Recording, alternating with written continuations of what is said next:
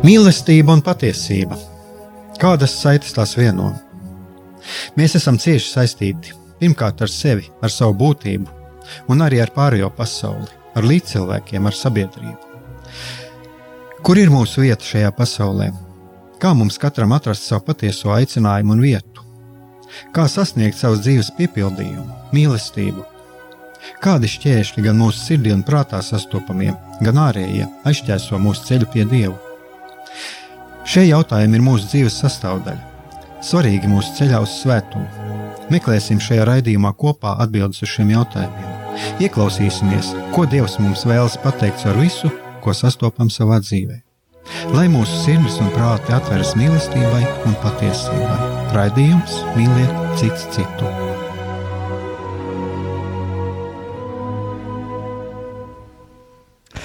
Lai top slavēts Jēzus Kristus, esiet sveicināti, darbie radioklausītāji!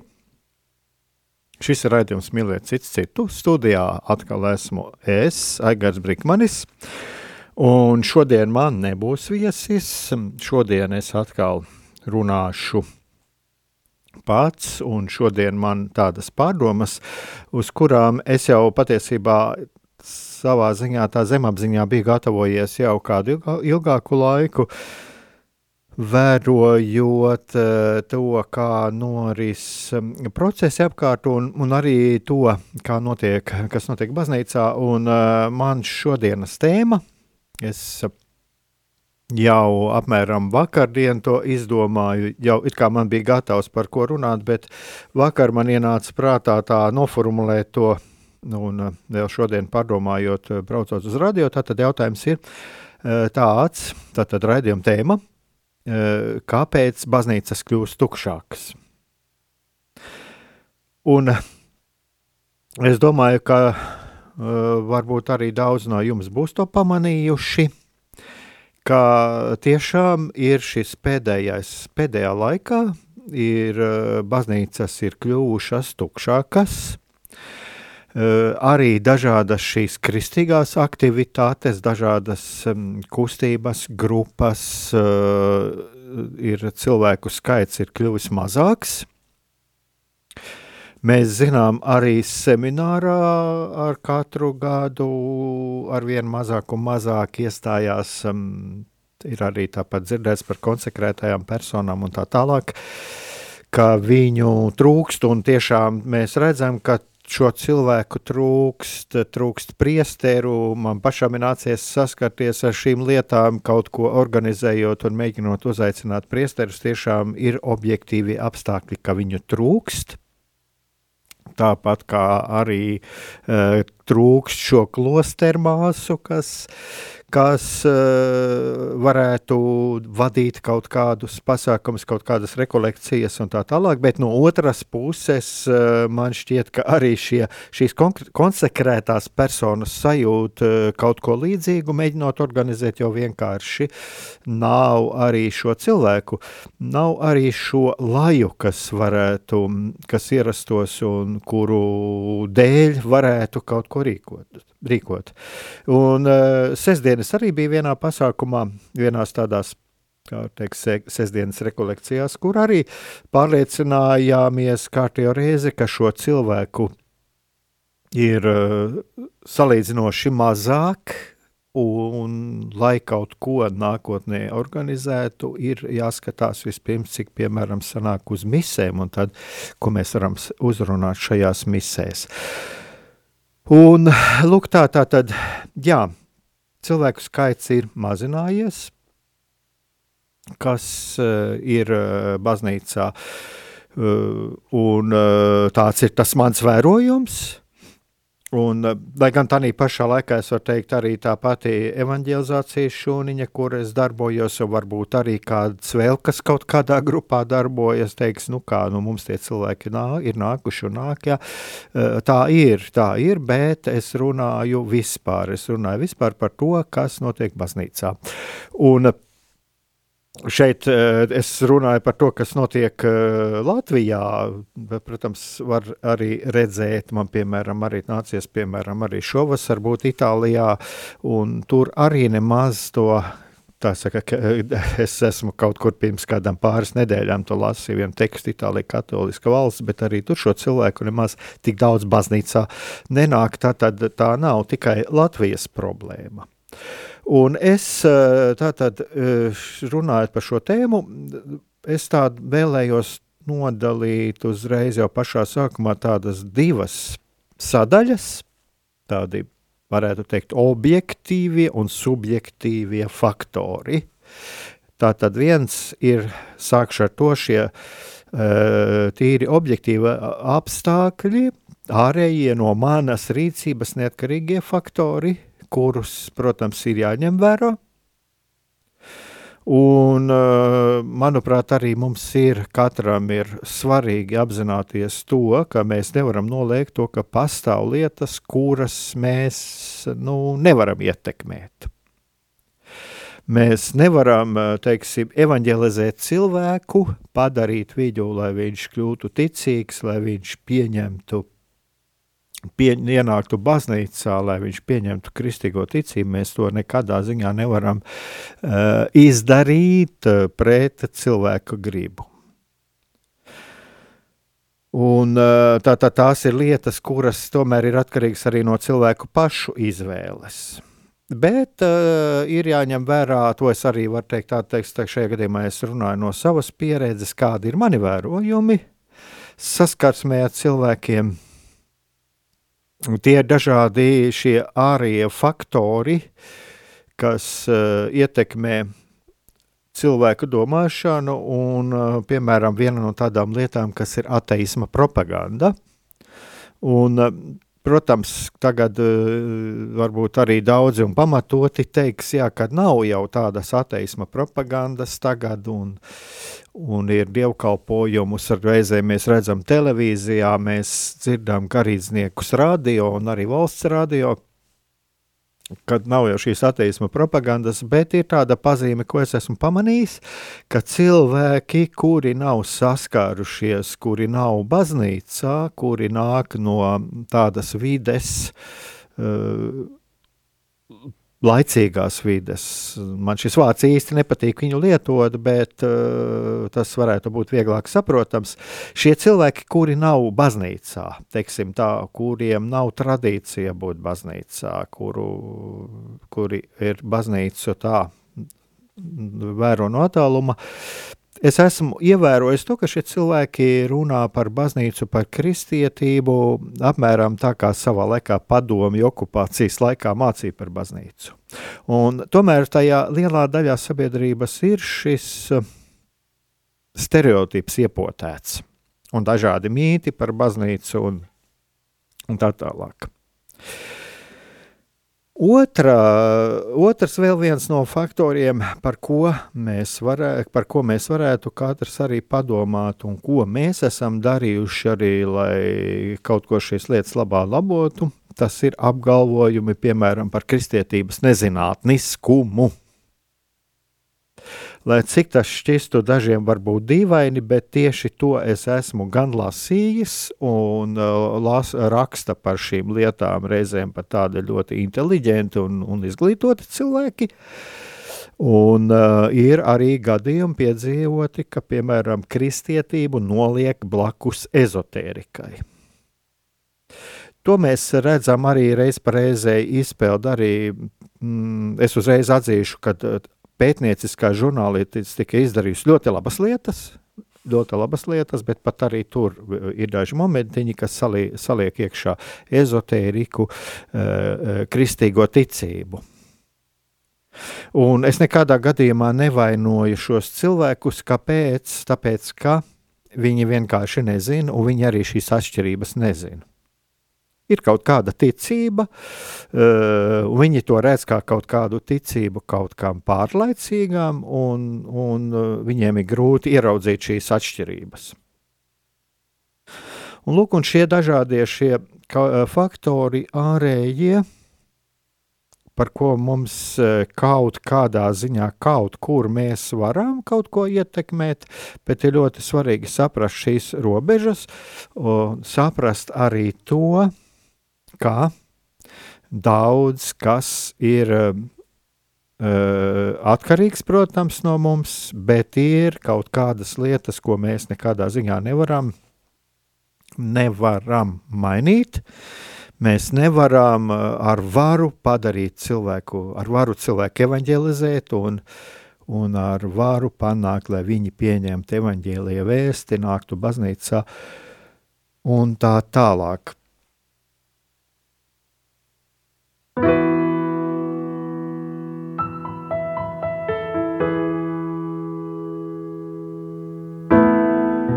Kristus tevi ieselē dori mani svātu, Kristus mīsa atpestei mani, Kristus sasnīs dzirdinoj mani. Pildins no Kristus svana, mozgoj mani, Kristus cīšana stiprinojit mani,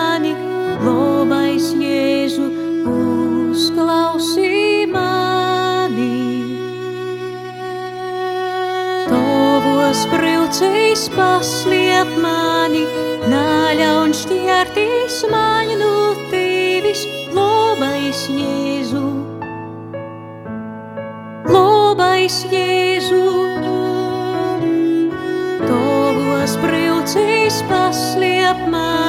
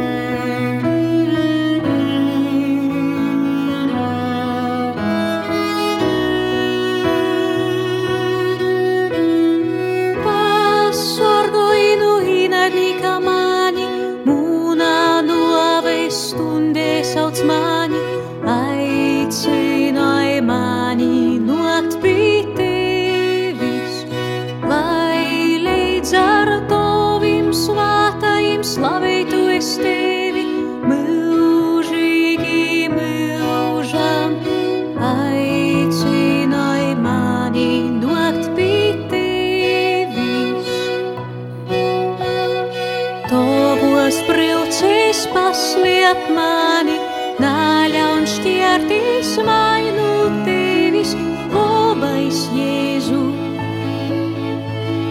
Labais Jēzu. Tos prilcīs pasliet mani, naļaun šķiertīs mainu tevis, labais Jēzu.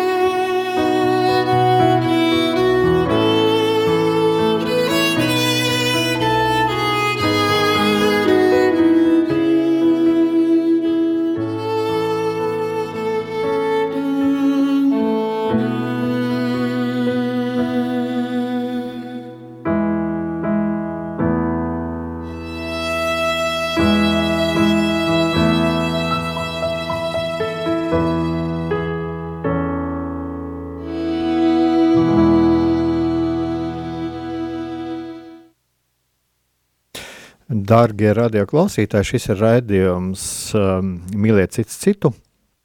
Un studijā esmu es Aigārs Brikmanis, un šodien man ir tāda pārdoma tēma par to, kāpēc baznīcas kļūst tukšākas.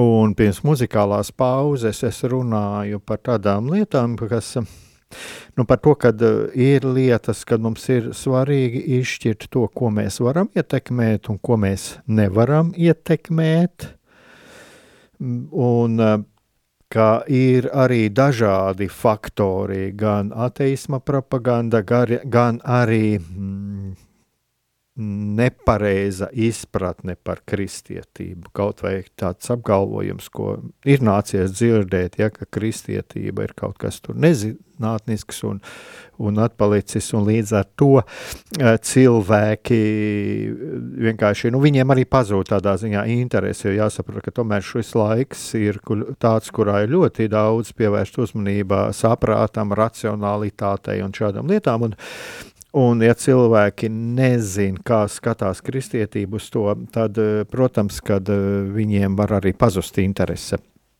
Un, protams, kad ir vēl daudz un dažādi faktori, par ko uh, mēs varam runāt, cilvēki izvēlās arī būt, es mazliet šķiet arī iepriekšējā raidījumā, kad mēs runājam ar Jāni Jakobsonu, ieminējos par to, kad vēl kāds iemesls, kāpēc cilvēki uh, atsakās no kristietības, viņi tiešām var atte, atteikties, tāpēc, ka ir dažas prasības, uh, un es teicu, nošaukšu tieši par prasībām, teiksim, kas attiecās uz, uh, uz baušļiem, uz uh, uzticība laulībā, uh, un vēl šie dažādie. Tev nebūs, tad ir vieglāk uh, cilvēks, uh, cilvēkam bieži vien viņš izvēlās šo ceļu, nu, nosauksim to par tādu vieglāko ceļu. Kurš nebūtu nav labs ne pašam cilvēkam, ne sabiedrībai, ne arī viņa garīgajai dzīvē un dvēselē, protams. Bet tagad es vēlos pievērsties otrai, otrajam faktoram, ko es note, nosauktu par tādu subjektīvo iemeslu, un tas ir manas rīcības sekas manas rīcības sekas, eh, kuras, kuru dēļ cilvēki eh, reizēm var pat atstāt baznīcu, vai kuru, kurus dēļ viņi nenāk, nevēlas tuvāk iepazīties ar baznīcu, ar kristietību. Un, eh, protams, mums ir visiem zināmas šādas lietas, Mm, ko es arī šeit esmu pieminējis, moralizēšana, augstprātība, sevis un kristietības pretnostatīšana pasaulē. Un laba darīšana pret otru gribu. Es eh, to laba darīšanu, to es eh, lieku pēdiņās, un atkal atcaucoties uz iepriekšējo raidījumu, es atceros, ko Jānis Jākapsons teica, piemēram, kad ir tāds kārdinājums kādreiz mm, ar cilvēku saskarsmē kad ir kāda tāda ļoti laba grāmata, kur es esmu izlasījis, un man ļoti liela vēlēšanās, lai šis otrs cilvēks arī to izlasītu. Nu, protams, ja viņš ir baznīcā, viņš aktīvs baznīcā gājējis, viņš nesapratīs šo grāmatu, viņš varbūt noliks to malā. Bet, ja ir cilvēks, kurš nav baznīcā, un es ļoti, ļoti pēkšņi sagribu viņu dabūt baznīcā, tad šis efekts var būt pilnīgi pretējs, jo cilvēks nevēlas, ka viņam kaut ko uzspiež. Un, lūk, un šī lieta ļoti bieži vien mēs uh, esam tie, kuri uzspiežam, kuri uzspiežam savu pārliecību, uzspiežam savu ticību.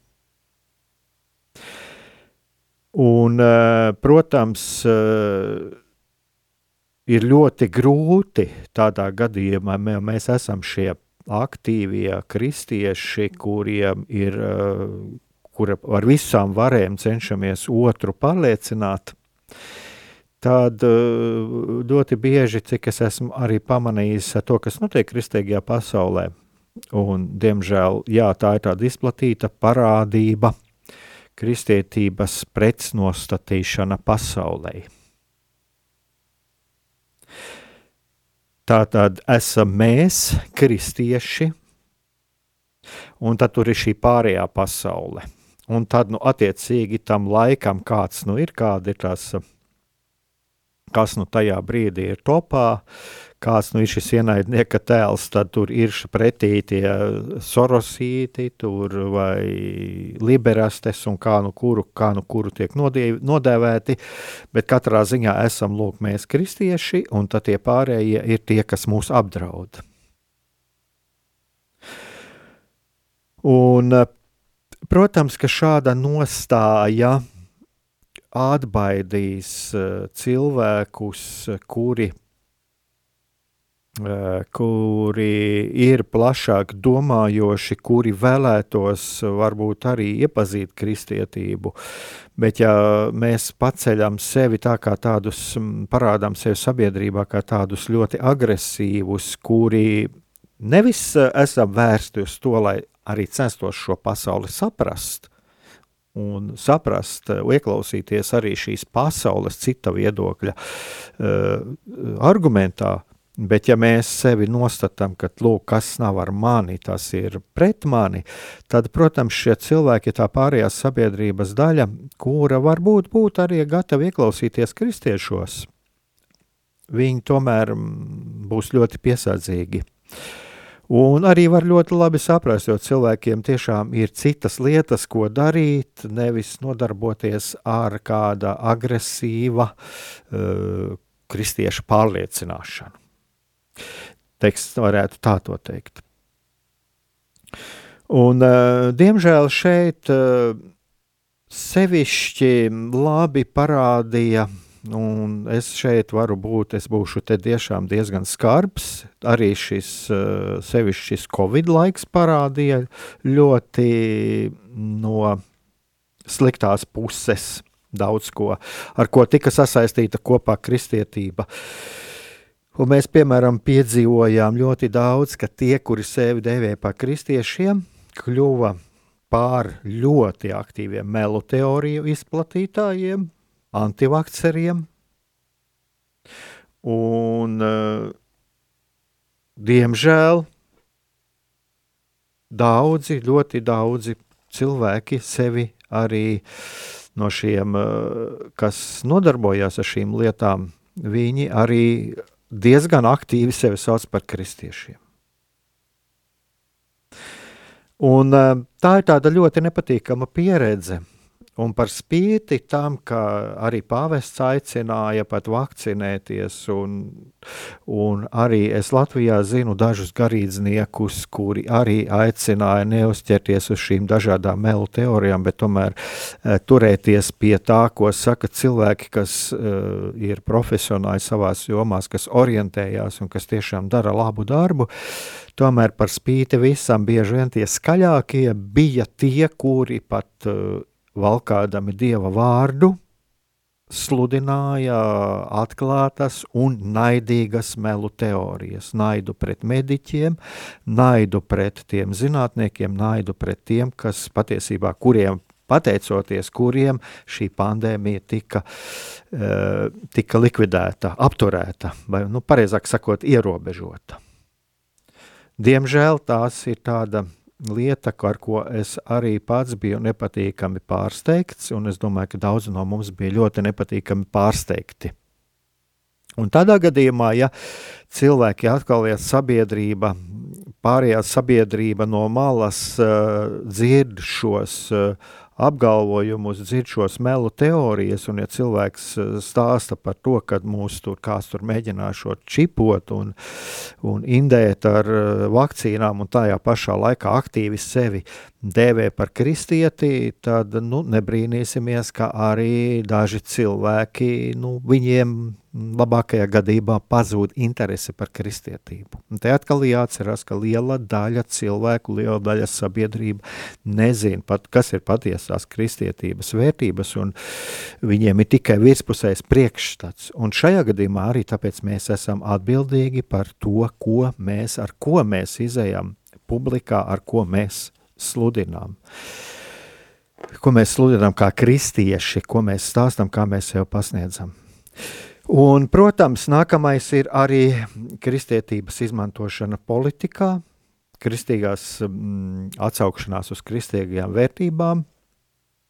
Un, diemžēl arī šeit mēs piedzīvojam to, ka es zinu kristiešus, politiķus, bet kuri neuzsver savu kristīgo e, piedarību bet toties es zinu daudzus, kuri ir, kurus nu, nevarētu nosaukt par godīgiem. Es tiešām nesaukšu nevienu vārdā, bet es aicinātu vienkārši arī katram pašam izvērtēt, un, bet kuri sevi pasniedz tā. Un uh, tas ir Tie ir tie gadījumi, kur es esmu dzirdējis no pasaules cilvēkiem, no cilvēkiem, kuri nepiedara baznīcai. Es esmu dzirdējis ļoti, ļoti, ļoti skaļus un pamatotus pārmetumus. Tālūk, un šie tādi tie faktori daži, par kuriem es, jā, vēl arī, protams, moralizēšana un augstprātība, kas uz ko mēs varam būt katrs uz ko mums katram reiz reizē var parādīties kārdinājums, kad, lūk, es esmu šis kristietis, un tie pārējā pasaule tie ir tie pagāni. Dažiem mums tā, tā var gadīties, Un, eh, jā, varbūt tas ir tā mazliet sāsināti no manas puses, jo es gan par sev apkārtē neesmu tādu dzirdējis vismaz savās kopienās, kur tiek eh, teiksim, uzbrukts tā sauktajiem pagāniem un tā tālāk, bet uh, publiskajā telpā tas reiz, reiz reizēm izskan. Un, protams, augstprātība, kas ir stādīšana sevi augstāk par uh, un labāku par citiem Nu, šeit es varētu arī varbūt noslēgumā varbūt es arī pieminēšu par to, ka, ka arī pāvesti reizi pa reizē viesojas pie citu konfesiju pārstāvjiem un no tā varētu mācīties. Bet katrā ziņā, jā, tās ir tās lietas, kuras mums būtu ļoti labi, ja mēs ieklausītos arī paši sevī, kā ir ar mums, kā mēs uzvedamies.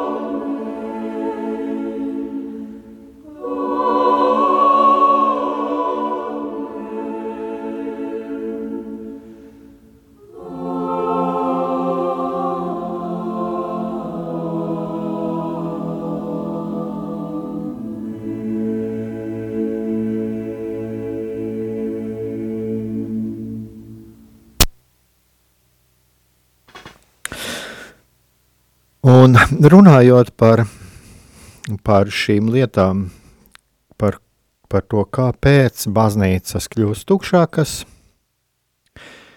ir vēl viena lieta, kam es arī gribētu pievērsties, tādu īsu, īsu pirms nākamā tēmai, kam es gribu pievērsties, tas ir arī mums ieskatīties pašam sevī.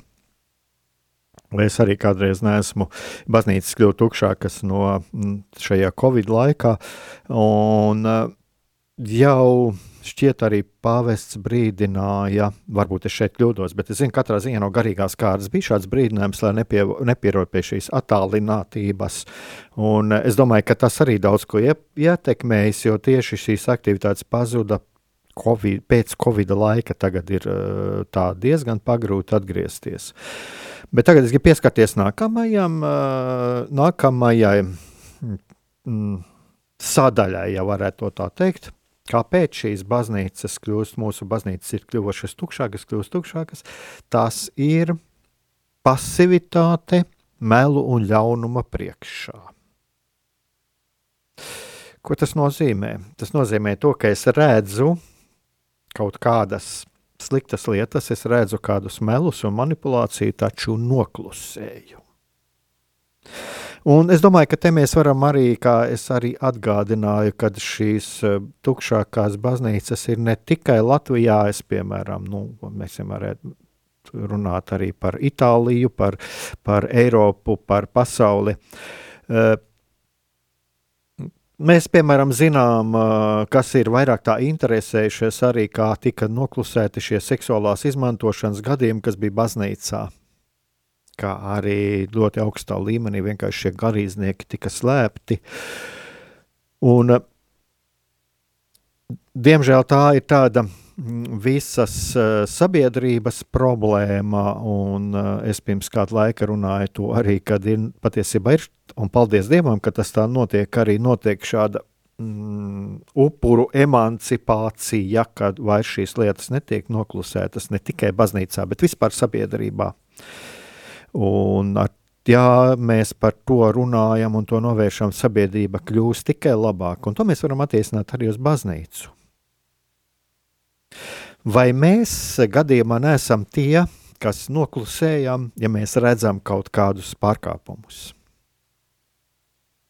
Vai mēs neesam tie, kas noklusējām arī, jā, ka mēs redzam, ka arī katoļu baznīcā notiek kaut kādas lietas, nu, eh, kas eh, neatbilst īsti pat tam arī, ko māca katoļu baznīca. Kad notiek kaut kāda manipulācija, kaut kādas lietas. Eh, vai mēs arī neesam pamanījuši, ka, piemēram, notiek kaut kāda, es, piemēram, esmu pamanījis katoļu organizācijās dažās, ka notiek politiska aģitācija par atsevišķām partijām. Un lūk, šīs daudzās un dažādās lietas, kuras eh, es pat eh, neiesaistos varbūt kaut kādā manipulācijā, kaut kādā ļaunprātībā, bet es par to zinu, un tādā pašā laikā es to noklusēju. Katrā ziņā es tagad neaicinu, teiksim, ja es redzu, ka kaut kas notiek, tad par to bazūnēt pasaulē. Nē, es domāju, ka pirmais, kas ir jādara, ir jārunā ar garīdzniekiem, jārunā ar biskupiem. Un, jā, nu, tad, ja mēs skatāmies tālāk, ja mēs skatāmies tālāk, ko darīt, tad varbūt, nu, ja ir, teiksim, krimināla noziegums, viņš ir krimināla noziegums. Tā tad nedrīkst ļaut tam notikt. Ja mēs redzam kaut kādu manipulāciju, tad par to jārunā. Par to jārunā baznīcas vidē, jārunā, ir, jārunā pašu kristiešu vidē, un ir jābūt drosmīgiem izteikt savu pārliecību un, un to, ko es redzu. Un uh, citos gadījumos ir jābūt pietiekami drosmīgiem, uzklausīt kritiku, uzklausīt objektīvu kritiku. Un šeit ir tas jautājums, kāpēc tā notiek? Kāpēc uh, mēs reizēm klusējam? Kāpēc mēs bieži klusējam? Un tie, kas ir interesējušies par psiholoģiju, arī zina tādus gadījumus, kad Nu, ir tādi pētījumi, piemēram, ja mēs redzam uz ielas, ka notiek kaut kāds nelaimes gadījums, tad lielāka cerība, ka atradīsies kāds, kas palīdz, piemēram, pakritušam cilvēkam, tad, ja būs mazāk cilvēku nekā tad, ja tas notiek lielākā pūlī. Jo varbūt es ceru, ka kāds cits rīkosies un kāds cits pateiks šo patiesību. Tā tad es redzu, es kaut kam nepiekrītu, kas pie mums notiek, un es ceru, ka kāds cits rīkosies, un kāds cits sāks runāt. Kāds cits sāks kaut ko rīkoties, kaut ko darīt. Un kāpēc es runāju par šo mūsu pasivitāti un par to, kas ir šis ļaunums? Tas, es domāju, diezgan cieši sakrīt ar to, kāpēc baznīcas kļūst tukšākas. Jā, mēs redzam, tāpat kā ar šiem gadījumiem, kad šīs seksuālās izmantošanas gadījumi agri vai vēlu viņi nāks eh, atklātībā. Un eh, noslēpt to nevarēs īsti. Agri vai vēlu visas šīs lietas nāk atklātībā, un kas attiecās arī ar dažādām manipulācijām un, un, un visam, ko mēs uh, redzam, ikdienā daudzas lietas jau sabiedrībā ir zināmas.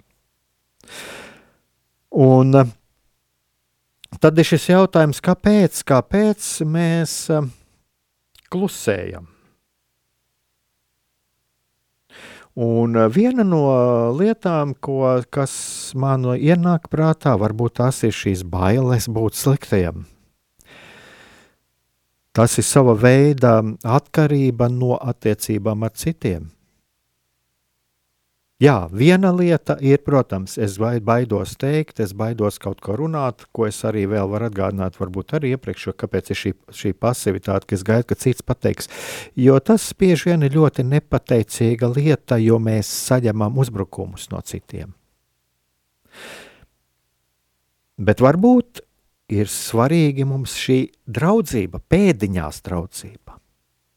Būt visam, visiem labam, es cenšos piemēroties. Un es piemērojos, uh, sēžot kompānijā, es piemērojos, sēžot grupā, es apspiežu savu viedokli, es apspriežu savu redzējumu, un bieži vien es varu ieraudzīt, ka nu, tas, ko, tas, ko šeit sludina, ko runā, nu, tas neatbilst patiesībai bet es klusēju, jo es baidos, ka man izraidīs, ka pret mani būs kāda asāka reakcija, un kas ar mani notiek. Es zaudēju sevi, es zaudēju savu no Dieva doto aicinājumu, un šādā veidā mēs soli pa solim kļūstam ērti apkārtējiem, mūsu kopienā, daudziem arī var būt baznīcā, bet tā pašā laikā mēs kļūstam par ļoti pelēkām un neinteresantām personām, kuras e, nespēja piesaistīt citus cilvēkus. Un mēs kļūstam tikai par tādām pelēkām personām, kuras atstāsta uh, autoritāšu sacerētas frāzes, Bet kā kristieši mēs nespējam sniegt atbildes uz tiem izaicinājumiem, kurus mums uh, liek priekšā mūsu laiks.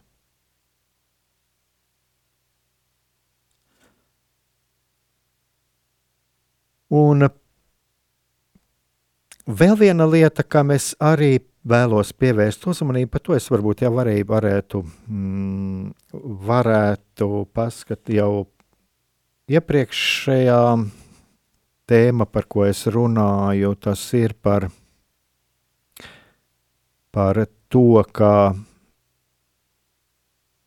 jā, Piedodiet, mēs mazliet sajaucos par tekstiem, jo man ir priekšā tāds uzmetums, kas varbūt redz video, to tie, tie zina.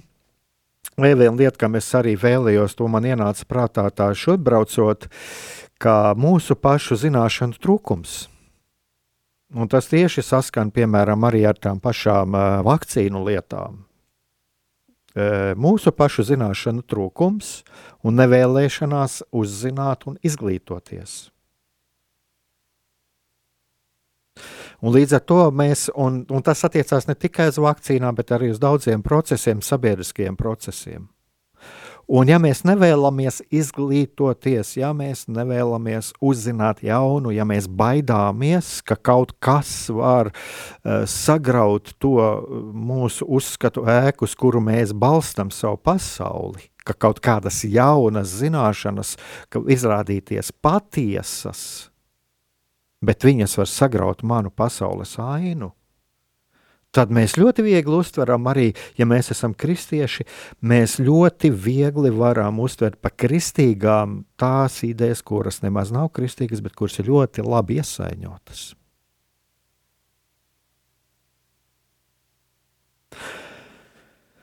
Un tad nākamā lieta, ko mēs vēl vēlētos pie, pievērst uzmanību, jā, Lūk, tātad, jā, es runāju tātad par šīm lietām, jā, un tātad, lūk, un šādā veidā mēs uztveram šīs lietas, kuras nemaz nav kristīgas, mēs viņus uztveram par kristīgām. Zaudējot sevi, piemērojoties citiem, mēs esam tādi kā autoritāšu citātu atstāstītāji, bet nespējam sniegt atbildes uz mūsu laika izaicinājumiem, un līdz ar to arī mēs nespējam piesaistīt nevienu baznīcai. Un cilvēki, kuriem ir vajadzīgs, varbūt arī kāds plašāks, plašāks skatījums, diemžēl, diemžēl es esmu tādus saticis, viņi ir aizgājuši no baznīcas. Jā, varētu teikt, paši vainīgi, un tas arī jādomā tas jautājums, cik dziļi viņi ir bijuši savā ticībā, cik dziļi viņi ir kopuši šo savu garīgo pasauli, bet varbūt, varbūt kāds no mums uh, ir eh, arī šādā veidā šos cilvēkus ar kaut kādu savu attieksmi, ar kaut kādu savu rīcību panākuši, ka cilvēki no baznīcas aiziet. Un tad vēl viena lieta, ko es arī gribētu pielikt, ko es esmu šeit pieminējis, arī pierakstījis, tas ir sagrozīts priekšstats par pazemību. Sagrozīts priekšstats par Jēzus personu. Eh, mēs ļoti bieži šķiet dzirdām par Jēzu kā par maigo jēru. Maigais jēriņš, maigais jēriņš, kurš tiesnešu priekšā, rakstu zinātāju priekšā, kurš tiek eh, piekalts pie krusta. Bet ļoti svarīgi ir arī, manuprāt, eh, redzēt arī Jēzu kā lauvu, kā lauvu, kas pastāv par patiesību. Un uh, mēs redzam, cik skarbi Jēzus izteicās par, uh, par farizējiem, par rakstu zinātājiem, cik skarba bija Jēzus atbilde, kad viņa uh, vispriester kalpam, kad viņam sita. Un mīlestība nebūtu nav uh, kaut kas tāds, kur mēs kļūstam par kaut kādiem upuriem, nevarīgiem upuriem, un mīlestība nekādā ziņā nav tur, kur mēs piemērojamies visam, ko saka otrs, lai tikai nebūtu konflikts. Tas būtu cita, cita raidījuma tēma, bet konflikts ir tā ir lieta, ko mēs nevaram izbēgt. Ja es esmu patiesa kristietis, es reizi pa reizei piedzīvoju konfliktu. Jo pretējā gadījumā, ja es esmu labs visiem, tad kas es esmu par kristieti un kas es esmu par Jēzus sekotāju? Tātad paskatīties arī tomēr uz Jēzu ne tikai kā, kā uz to Jēzus upuri, bet paskatīties, ka Jēzus upuris eh, savā ziņā mēs viņu redzam kā, kā jēriņu, bet patiesībā tur pie krusta novir, nomira lauva un drosmīgi nomira par patiesību. Mēs varam paskatīties uz šā, eh, no šāda skatu punkta. Un uh, Tātad, uh, uztaisot tādu kopsavilkumu, jau pamazām es redzu, ka raidījums arī uz beigām, uh, tādu kopsavilkumu, ko es šeit gribētu tādu Tātad no vienas puses paskatīties, ja mēs esam aicināti sekot Jēzum, tad redzēt Jēzu, jā, pazemība, bet pazemība nenozīmē gluži to, ka es eh, ļauju kaut kādam viedoklim vai eh, kaut kādai cita cilvēkai padarīt mani par kaut kādu pelēku personu, jo Jēzus nebija nekādā ziņā pelēka persona, viņš bija spilgta personība kurš vajadzīgā brīdī spēja pastāvēt par sevi un par savu e, patiesību. Un līdz ar to tā mēs arī varam sevi pasniegt uh, baznīcā, baznīcas iekšienē, baznīcā un, un, un uh, neklusēt, ja mēs redzam tiešām netaisnību, ja mēs redzam, ka nu, notiek lietas, kas nav gluži patiesas un kas nav gluži taisnīgas, un, jā, un ka teiksim, notiek kaut kāda manipulācija vai kaut kādas negodīgas lietas. Tas ir viens. Otrs, es arī sākumā pieskāros tam, kad baznīca daudzi uzskata, ka kristietība tas ir kaut kas atpalicis un nezinātnisks. Un tad es atkal varu teikt, arī šeit pat pie manis ir radio bijušie zinātnieki un cilvēki, kas ir katoļi. Un uh, arī mēs varam tomēr rādīt šos labos piemērus un norādīt uz šiem cilvēkiem,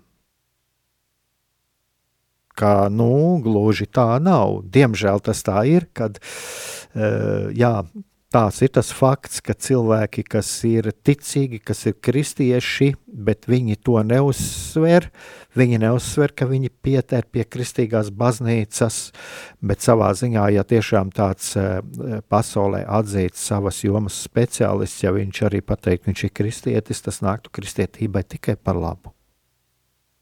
Tas ir mans viedoklis, jo vismaz es redzu to tādu uh, priekšstatu sabiedrībā, kas ir ārpus baznīcas. Jā. Protams, tas ir mans subjektīvais viedoklis. Bet iespējams, ka tas tā ir to arī ir ietekmējis, kad uh, ietekmējis šo sabiedrisko viedokli, jo cilvēki neredz to, kad, kad uh, kristietība un zinātne tas uh, kristietība un racionālais prāts, zinātne un tā tālāk, tie nav pretrunā. Tie var viens otru papildināt. Un, jā, un tad noslēgumā, ko es uh, vēlētos ar ka noslēgt, tā tad, jā, kas ir vismaz, ko es varu no savas puses pateikt. Es te pieminēju tādu lietu, ka jā, mana iekšējā brīvība un savā ziņā šī svētā vienaldzība, tas ir tas, kad es zinu, apzinos, ka ir lietas, ko es nevaru mainīt, un tās es atstāju Dieva ziņā. Es atstāju tās Dieva ziņā, lai es varētu, lai es būtu brīvs pievērsties tam, ko es varu darīt pats, ko es pats varu darīt uh, lietas labā, uz ko nu šajā brīdī attiecīgajā situācijā es sajūtu aicinājumu. Nākamais ir attiecības, manas attiecības ar citiem kristiešiem, ar pārējo pasauli. Es jau šeit visu raidījumu par to runāju. Un eh, manas aktivitātes. Es domāju, ka arī jau es šajā raidījumā par šo runāju, kā es to redzu. Sekot tātad sirds aicinājumam, savam šajā gadījumā es runāju neskatoties no tā, kur mēs atrodamies, kas mēs esam, kas mēs esam sabiedrībā, profesionāli, uh, un tā tālāk, sekot sirds aicinājumam, kristīgajam aicinājumam, balstoties tajā labajā, ko mēs redzam baznīcā, baznīcas tradīcijā, un tajā, uz ko aicina evaņģēlijas. Un nebūt vienaldzīgiem arī un būt drosmīgiem runāt, runāt par to, ko mēs redzam, būt drosmīgiem, arī izteikt savu viedokli un saprast to, ka baznīcā arī pastāv dažādu viedokļu cilvēki, var pastāvēt ar dažādām pieredzēm, mēģināt saprast, kāpēc cilvēks tā domā. Neļauties manipulācijām un nekļūt pašam par kaut kādu manipulātoru, kurš mēģina atrast kaut kādu savu egoistisku labumu baznīcā vai sabiedrībā. Bet būt tām, uz ko mēs esam aicināti. Būt šiem Jēzus sekotājiem, uz ko mūs aicina evaņģēlijas.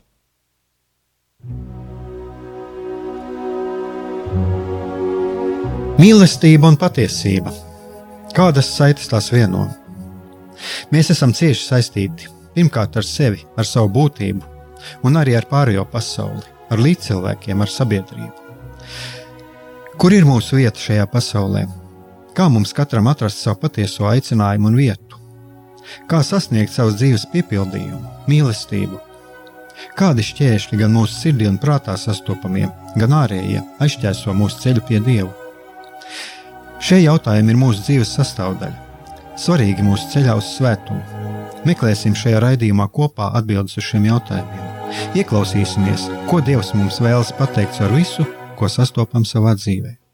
Lai mūsu sirds un prāti atveras mīlestībai un patiesībai, raidījums mīliet citu citu.